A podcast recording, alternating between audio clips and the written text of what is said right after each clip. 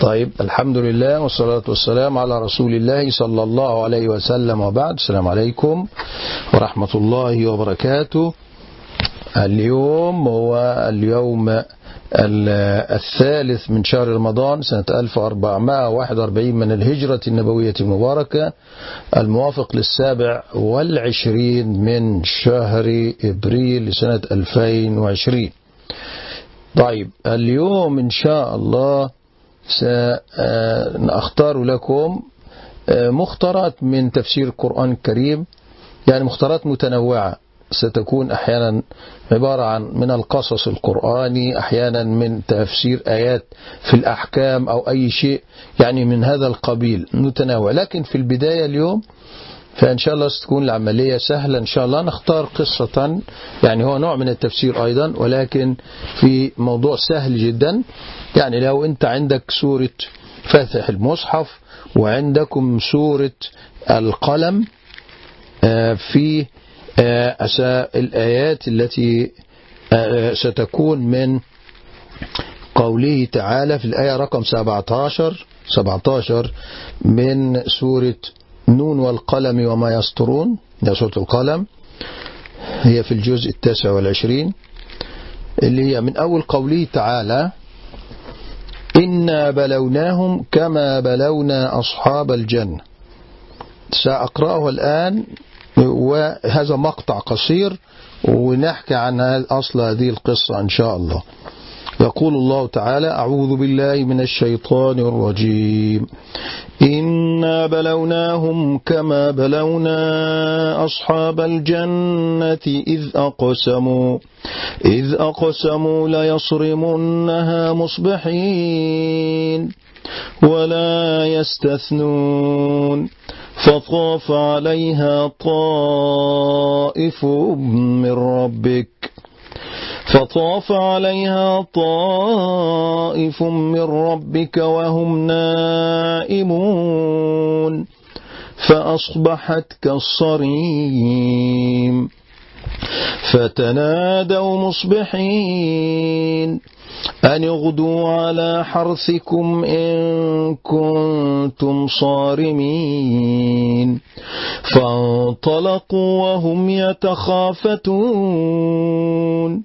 ألا يدخلنها اليوم عليكم مسكين. وغدوا على حرد قادرين. فلما رأوها قالوا قالوا إنا لضالون بل نحن محرومون. قال أوسطهم ألم أقل لكم لولا تسبحون؟ قالوا سبحان ربنا. قالوا سبحان ربنا إنا كنا ظالمين. فأقبل بعضهم على بعض يتلاومون. قالوا يا ويلنا إنا كنا طاغين. عسى ربنا أن يبدلنا خيرا منها. إنا إلى ربنا راغبون. كذلك العذاب. كذلك العذاب ولعذاب الآخرة أكبر. لو كانوا يعلمون. هذه هذا هو المقطع أو المشهد الذي سندندن حوله إن شاء الله. يعني نتكلم حول هذا الموضوع في اليوم. هذه هذه أصل هذا المقطع. لماذا اخترت هذا المقطع وهذا المشهد من هذه السورة الكريمة؟ هذا مقطع بيتحدث عن سلب النعم. الله سبحانه وتعالى عندما يعطي العبد النعم تلو النعم وإذا به بدل أن يشكره فإذا به يكفر بهذه النعمة. بل يبخل بها بل يظن بها. فلذلك عاقبهم الله سبحانه وتعالى بجراء أنهم تآمروا على هذه النعمة. لتكون هذه النعمة لهم هم فقط ويحرموا من أجل أن يحرموا هؤلاء المساكين وهؤلاء الفقراء من هذا الخير الذي رزقهم الله به. هذا هذا هذا سلب النعم موجود في القرآن في كذا مقطع مقاطع كثيرة. مثل هذا صح هؤلاء القصة هذا المشهد يسمى أصحاب الجنة. وهذا المشهد شبيه بصاحبي الجنة في سورة الكهف. هذه وهذا المقطع شبيه في مقطع آخر في سلب النعم وهو مقطع في سورة سبأ أيضا. نفس نفس سلب النعم دي كيف يسلب الله النعمة. نعم. نبدأ بقى. هذه هذه الآيات كانت تتنزل على رسول الله صلى الله عليه وسلم وهو يواجه عنف هؤلاء الكفار ويواجه المطاردة ويواجه هذا التعذيب الوحشي ويواجه الاستنكار والشغب على دعوته والاغترار بالقوة. كانوا يغترون يعني قريش كانت تغتر بقوتها وبأنها يعني أصحاب التجارة وأصحاب المال وأصحاب النفوذ. وهؤلاء فقراء ومحمد هذا صلى الله عليه وسلم فقير وأتباعهم فقراء. فإذا فنحن الأقوى حتى لو كانت معه النبوة. لذلك فإن الله سبحانه وتعالى الذي أطعمهم من جوع وأمنهم من خوف لم يحترموا هذه النعمة ولم يشكروا هذه النعمة ولم يوحدوا ولم يؤمنوا بهذا النبي الكريم فلذلك ضرب الله لا لنا مثلا لأصحاب محمد صلى الله عليه وسلم لأصحاب سيدنا محمد وللرسول. تنزلت هذه الآيات على الرسول في ظل ظروف صعبة جدا فكانوا في ضيق فتنزلت هذه الآيات لكي تقول تكون تسلية للرسول صلى الله عليه وسلم وللمؤمنين ولتثبيتهم وليعلموا أن العاقبة دائما للمتقين مهما على الباطل. لذلك يقول الله تعالى إنا بلوناهم كما بلونا أصحاب الجنة إذ أقسموا ليصرمنها مصبحين. أصل هذه القصة إن قيل إن جماعة كانوا في اليمن كانوا عندهم حديقة بستان. الحديقة عندما تسمعونها دايما تقال في القرآن دايما إما تكون الجنة الحديقة أو البستان عند في اللغة العربية. كل هذه اللغة ليست الحديقة أو عند المصريين يقولوا عليها جنينة. فهذه الحديقة ليس المقصود بها. حديقة عبارة عن ورود وأزهار فقط. الحديقة أو الجنة في القرآن الكريم المقصود بها التي بها الفواكه والثمار وأطايب الثمار وفيها كل ما تتخيلونه. فيها النخيل والزروع والأعناب والثمرات. فيها كل خيرات الدنيا موجودة في هذا البستان اللي هي الجنة أو الحديقة الكبيرة تسمى هذه الجنة هذه. فهذه الجنة الأرضية ربنا أعطاهم لرجل كان قيل إنه شيخ رجل كبير. كان هذا على فكرة قبل المسيح عليه السلام. بحوالي عشرة قرون أو أزيد يعني. أو ولكن قيل إن هذه هؤلاء القوم كان معهم هذا الرجل الشيخ كان رجلا ثريا غنيا وكان هؤلاء أولاده.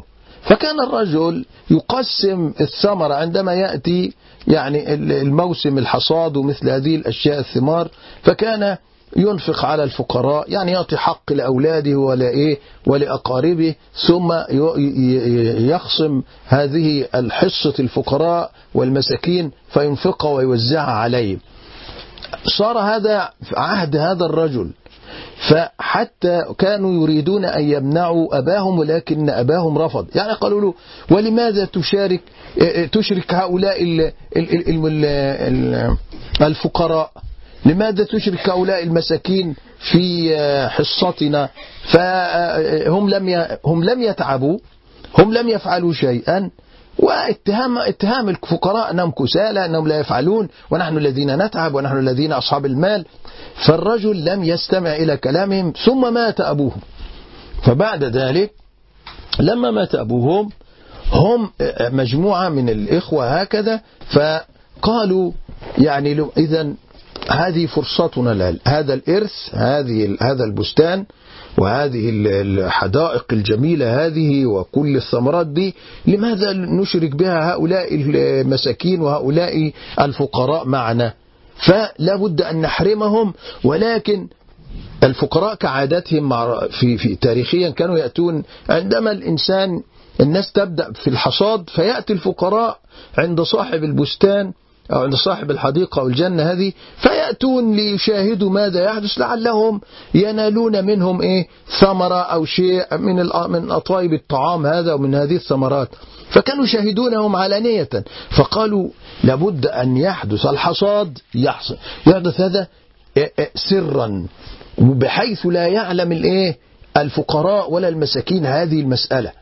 فهم تخافتوا بينهم سرا اتفقوا بينهم سرا إن أفضل حاجة يقطعوا الثمر هذه بحيث الفقراء لا يعرف. اذا عملوها بالليل يعني بياتوا بالليل واتفقوا وصاروا يتخافتون بينهم إن حتى لا يستمع واحد من المساكين فإيه فيأتي ويشاهدهم وهم يجمعون الإيه الحصاد من الحديقة. لأني على طريقة لك هؤلاء حسادون هؤلاء حقدون هؤلاء فقراء. هؤلاء مساكين لا شغل لهم يريدون أن يأخذوا أموالنا فلذلك نعملها في السر.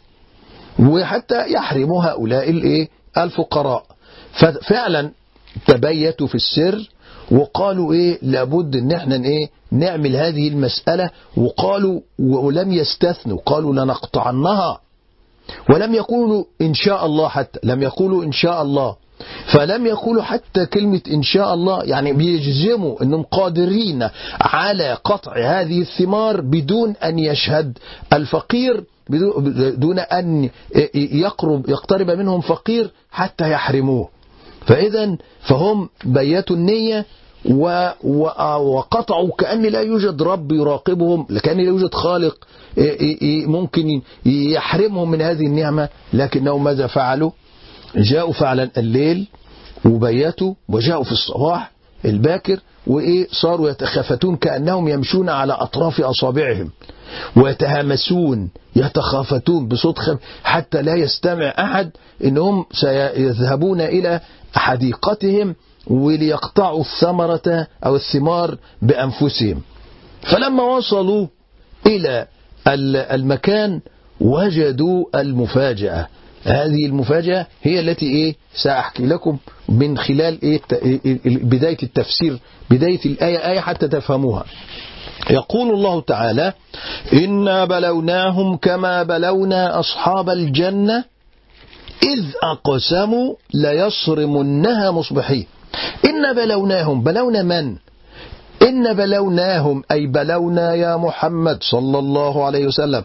قريشا هؤلاء الكفار هؤلاء المعاندين بلوناهم كما بلونا يعني اختبرناهم امتحناهم كما امتحنا واختبرنا أصحاب الحديقة أصحاب الجنة الذين اغتروا بأموالهم وثمارهم وحديقتهم.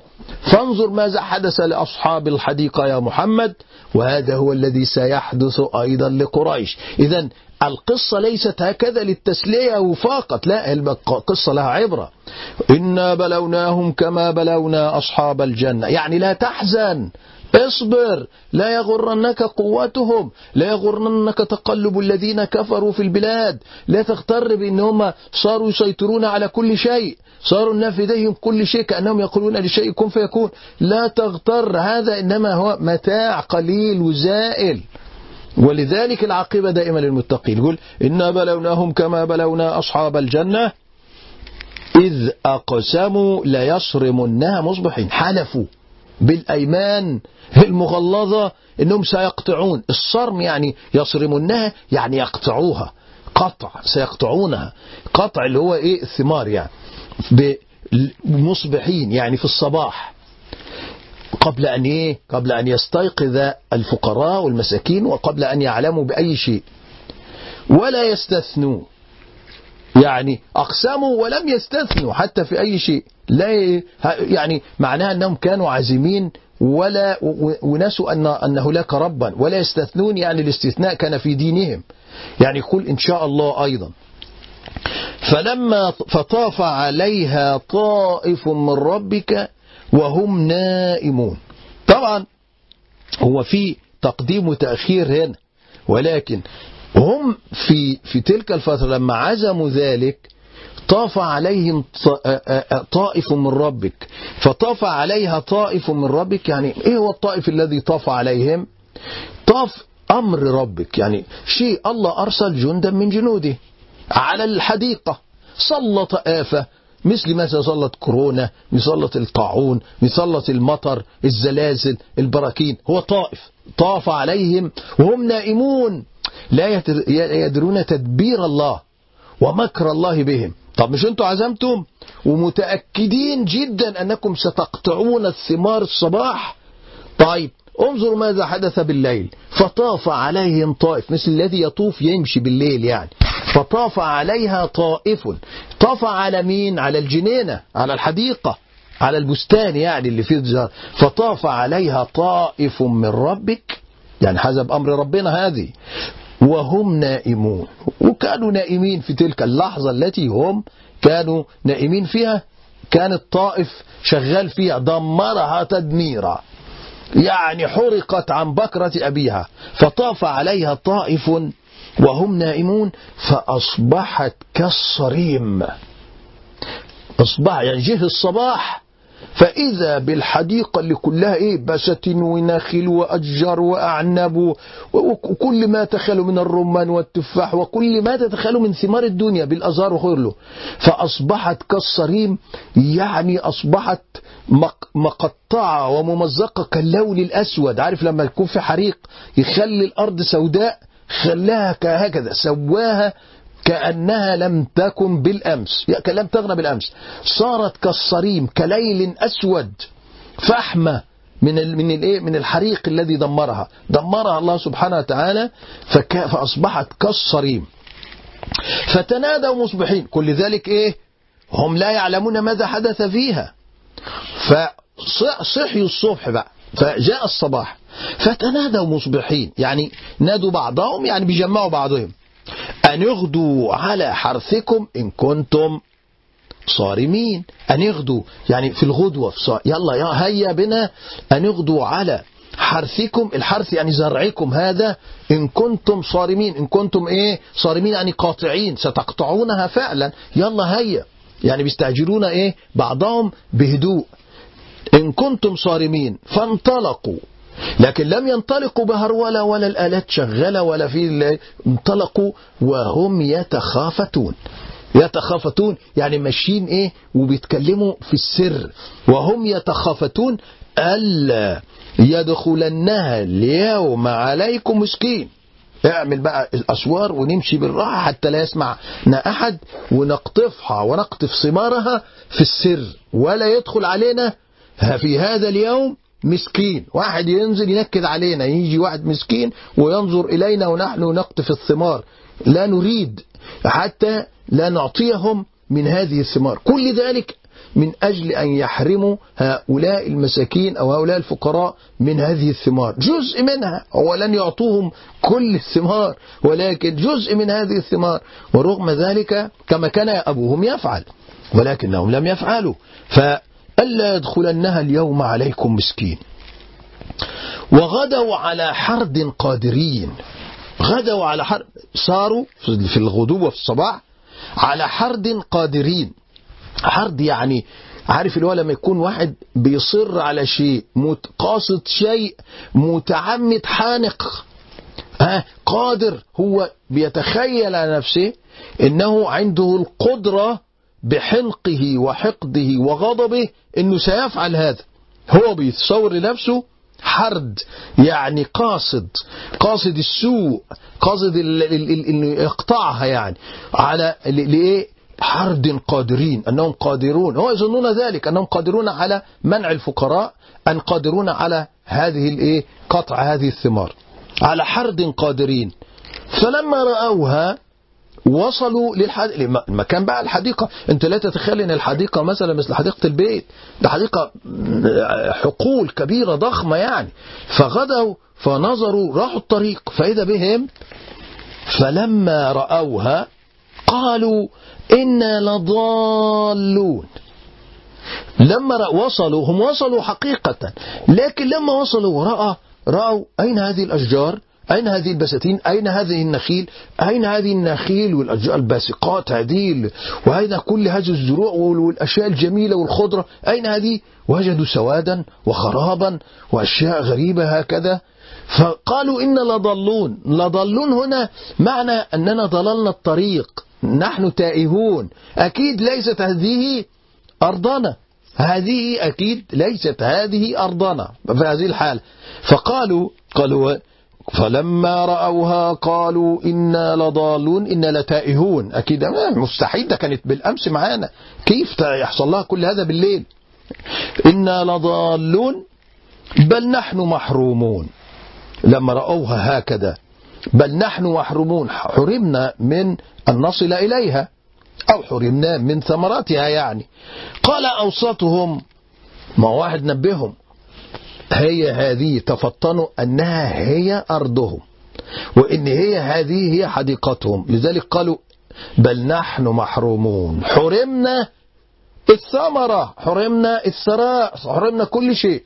لما أفاقهم واحد منهم أكد يا جماعة هذه أرضنا وهذه جن جنتنا وهذه حديقتنا ولكن الأرض أرضنا فعلا والمكان إحنا ليس لسنا تائهين ولا حاجة. فقالوا إيه؟ بل نحن محرومون. ها؟ حرمنا يعني حرم حرمنا من هذا الرزق يعني هذا الرزق الذي كنا نظن به على أنفسنا وهذا بنظن به على الفقراء ونؤثر به أنفسنا يعني. بنبخل عليهم. قال أوسطهم ألم أقل لكم لولا تسبحون قال أوسطهم يعني أحسنهم طريقة أعدلهم. الوسط قد يأتي بمعنى وكذلك جعلناكم أمة وسطا. يعني أمة الوسط ليس معناه إنه يكون عالي يعني واثنين واحد مثل المثلث. لا ليس. الوسط يعني العدل. الوسط يكون بيكون ذلك هنا أعدلهم أحسنهم. وذلك كذلك جعلناكم أمة وسطا يعني أعدل الأمم. ها؟ فلذلك وليس الناس تعاد تظن كلمة الوسط يعني مثلث رأسه فوق والضلعين يكونوا أقل منه. لا هذا فهم خاطئ. هو الوسط يعني العدل. فلذلك قال أوسطهم أحسنهم كلاما أحسنهم طريقة. ربما كان يعني هذا كان مثلا يعني عنده رقة في الدين أو يعني في, مثل هذه الحالة. قال أوسطهم ألم أقل لكم لولا تسبحون؟ ألم يعني واضح أن التسبيح كان من ديانتهم أنهم يسبحون يسبحون الله ينزهونه بذكرهم بالله. يعني لا تحرموا الفقراء سبحوا الله. لماذا تتأكدون وتقولون سنفعل بدون إن شاء الله؟ والمفروض إن كنتم يعني واضح أنه في جدال بينهم وأن هذا أحسنهم طريقة. قال لهم لولا تسبحون يعني لولا تذكرون الله لولا تنزهون الله هذا رزق الله. رزقكم الله. أبوكم ما كان يفعل ذلك. أبوكم ما كان يفعل هذا كان يعطي الفقراء. واضح أنه ذكرهم ولكن في النهاية صار معهم لأن أصواتهم واضح أن قوتهم أصواتهم هي الغلبة. فصار معهم. سبحان الله. هذا ينطبق عليه كما قال الرسول صلى الله عليه وسلم لأب المؤمنين عندما قالته قالت له أنهلك وفينا الصالحون؟ يا رسول الله أنهلك وفينا الصالحون؟ يعني لو في زلزال في طامة كبرى أو في حريق عام يقتل الناس طب ما فيها ناس صالحون فيهم أطفال فيهم أي أي قال نعم إذا كثر الخبث إذا كان الناس فاسدون معظمهم فاسدون القلة أيضا تعاقب ولكن يبعثون على نيتهم. يحشرهم الله في الجنة هؤلاء بقى على حسب نيتهم فلذلك فهو عوقب بحرمانه في الدنيا من ثمرة الحديقة الجنة من الثمرة هذه لأنه شاركهم وصار معهم لكن ذكرهم مرة أخرى وقال ألم أقل لكم لولا تسبحون؟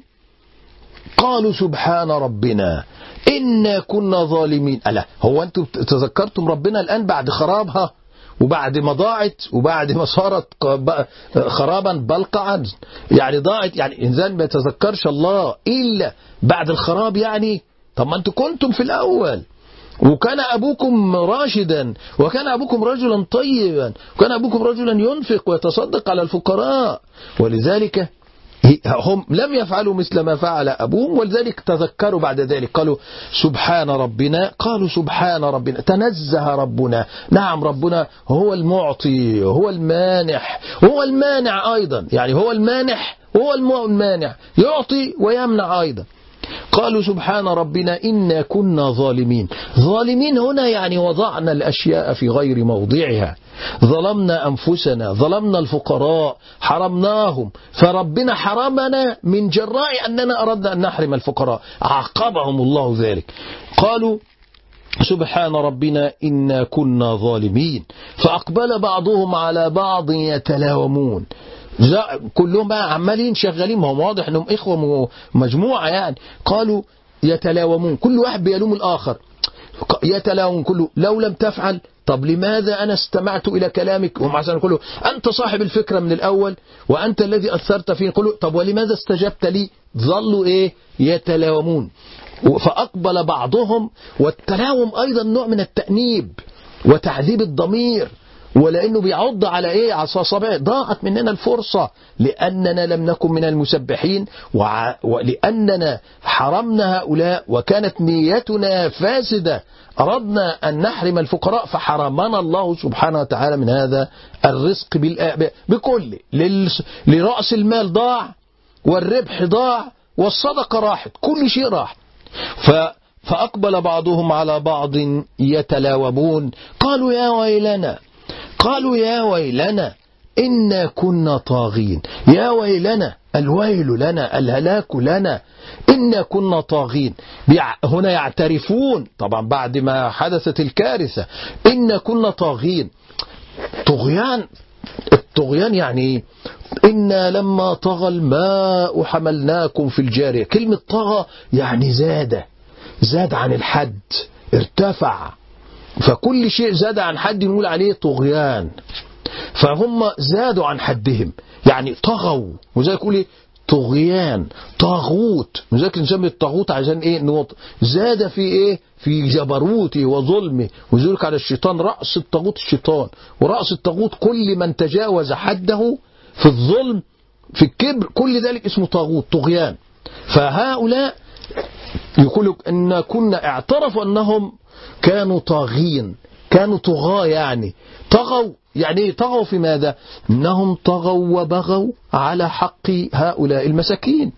إنهم طغوا حتى في حق ربهم حتى في الرزق. الله أعطاكم هذا الرزق فطغيتم على الناس وطغيتم على الحقوق. فلذلك عاقبهم الله إنا كنا طاغين.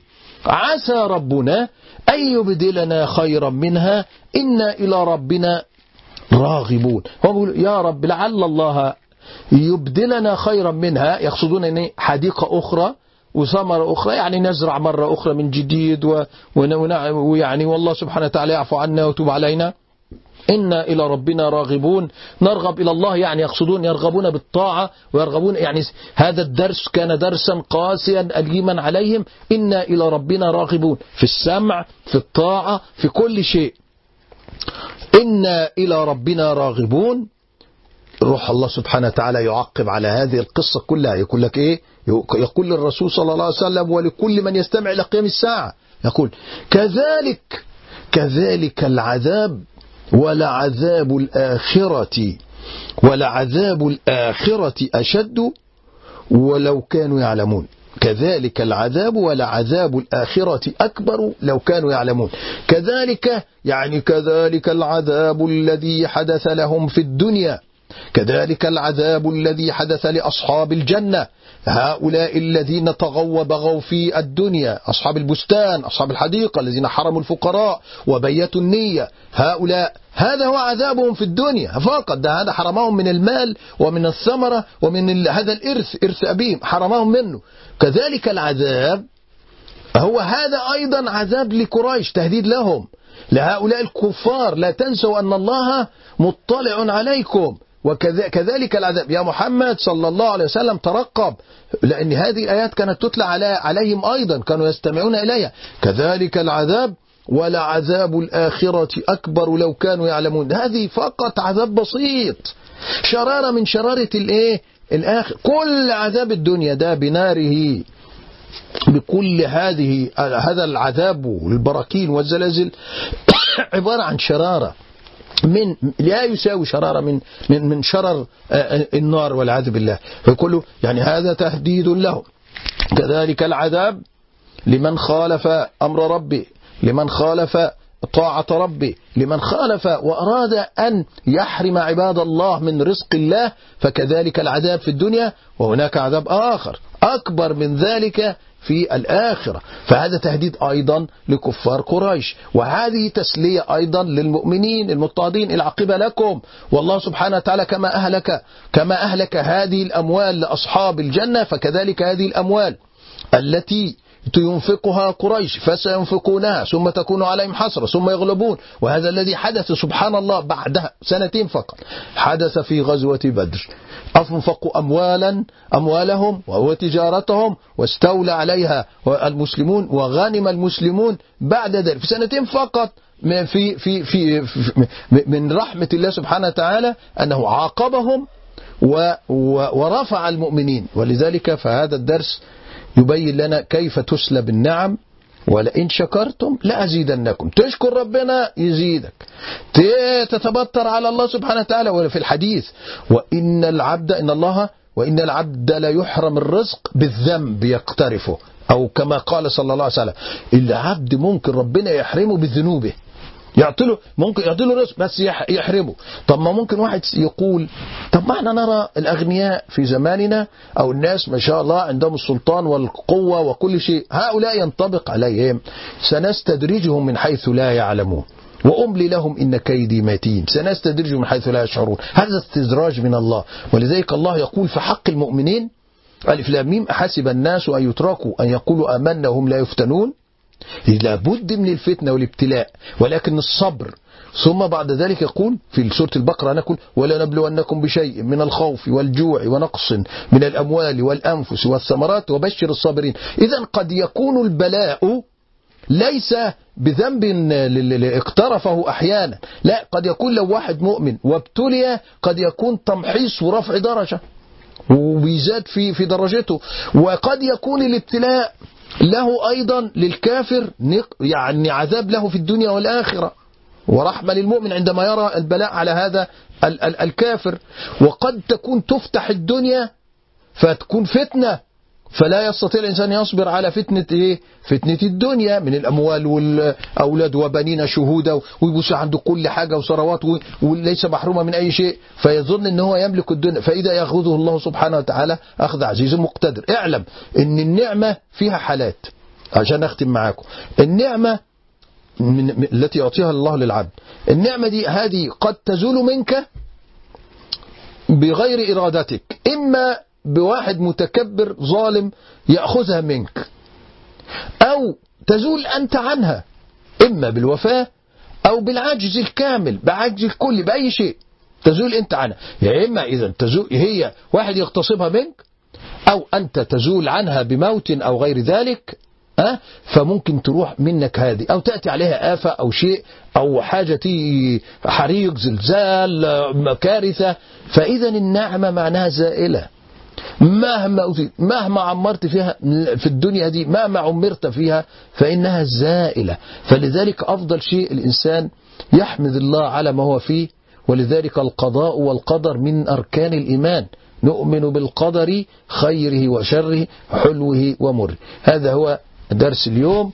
انتهينا من هذا الدرس والحمد لله. وإن شاء الله لنا مع آيات مختارة أخرى في دروس أخرى في رمضانية إن شاء الله. من دروس التفسير. أقول قولي هذا وأستغفر الله لي ولكم. والسلام عليكم ورحمة الله وبركاته.